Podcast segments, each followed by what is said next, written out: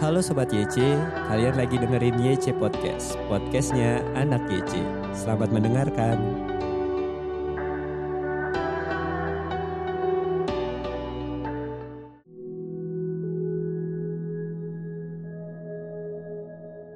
Shalom semuanya, apa kabarnya hari ini?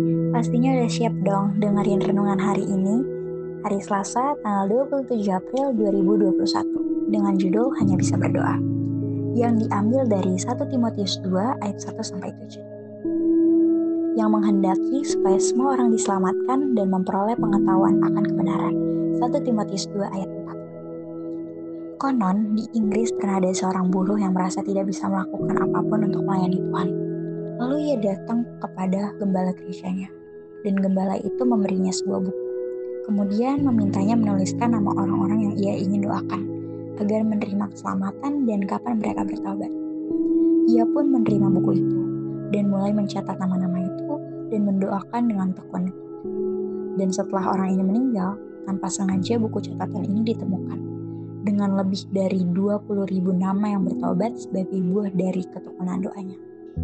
Wah, sungguh cerita yang luar biasa bukan? Doa syafaat bagi jiwa-jiwa yang belum bertobat menjadi kebutuhan yang mendesak nih sob. Terlebih jika kita mencermati keadaan dunia saat ini.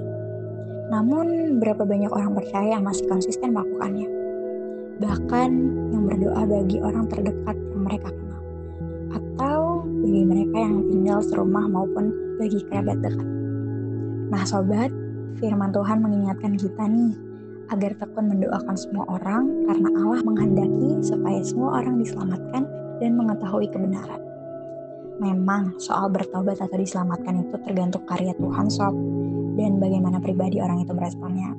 Tetapi dengan berdoa kita dapat melihat karya Roh Kudus secara nyata dalam menjamah dan mengubah kehidupan melalui doa-doa kita. Mari teman-teman jangan pernah meremehkan kuasa doa ya, terutama doa bagi jiwa-jiwa yang belum mengenal Tuhan dan belum diselamatkan. Bagaimana dengan isi doa-doa kita hari ini?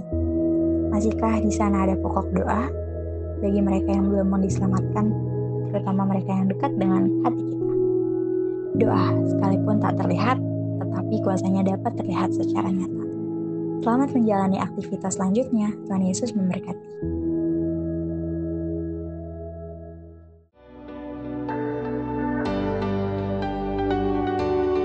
Terima kasih Sob udah dengerin YC Podcast. Jangan lupa di-share ke teman-teman yang lain. God bless you.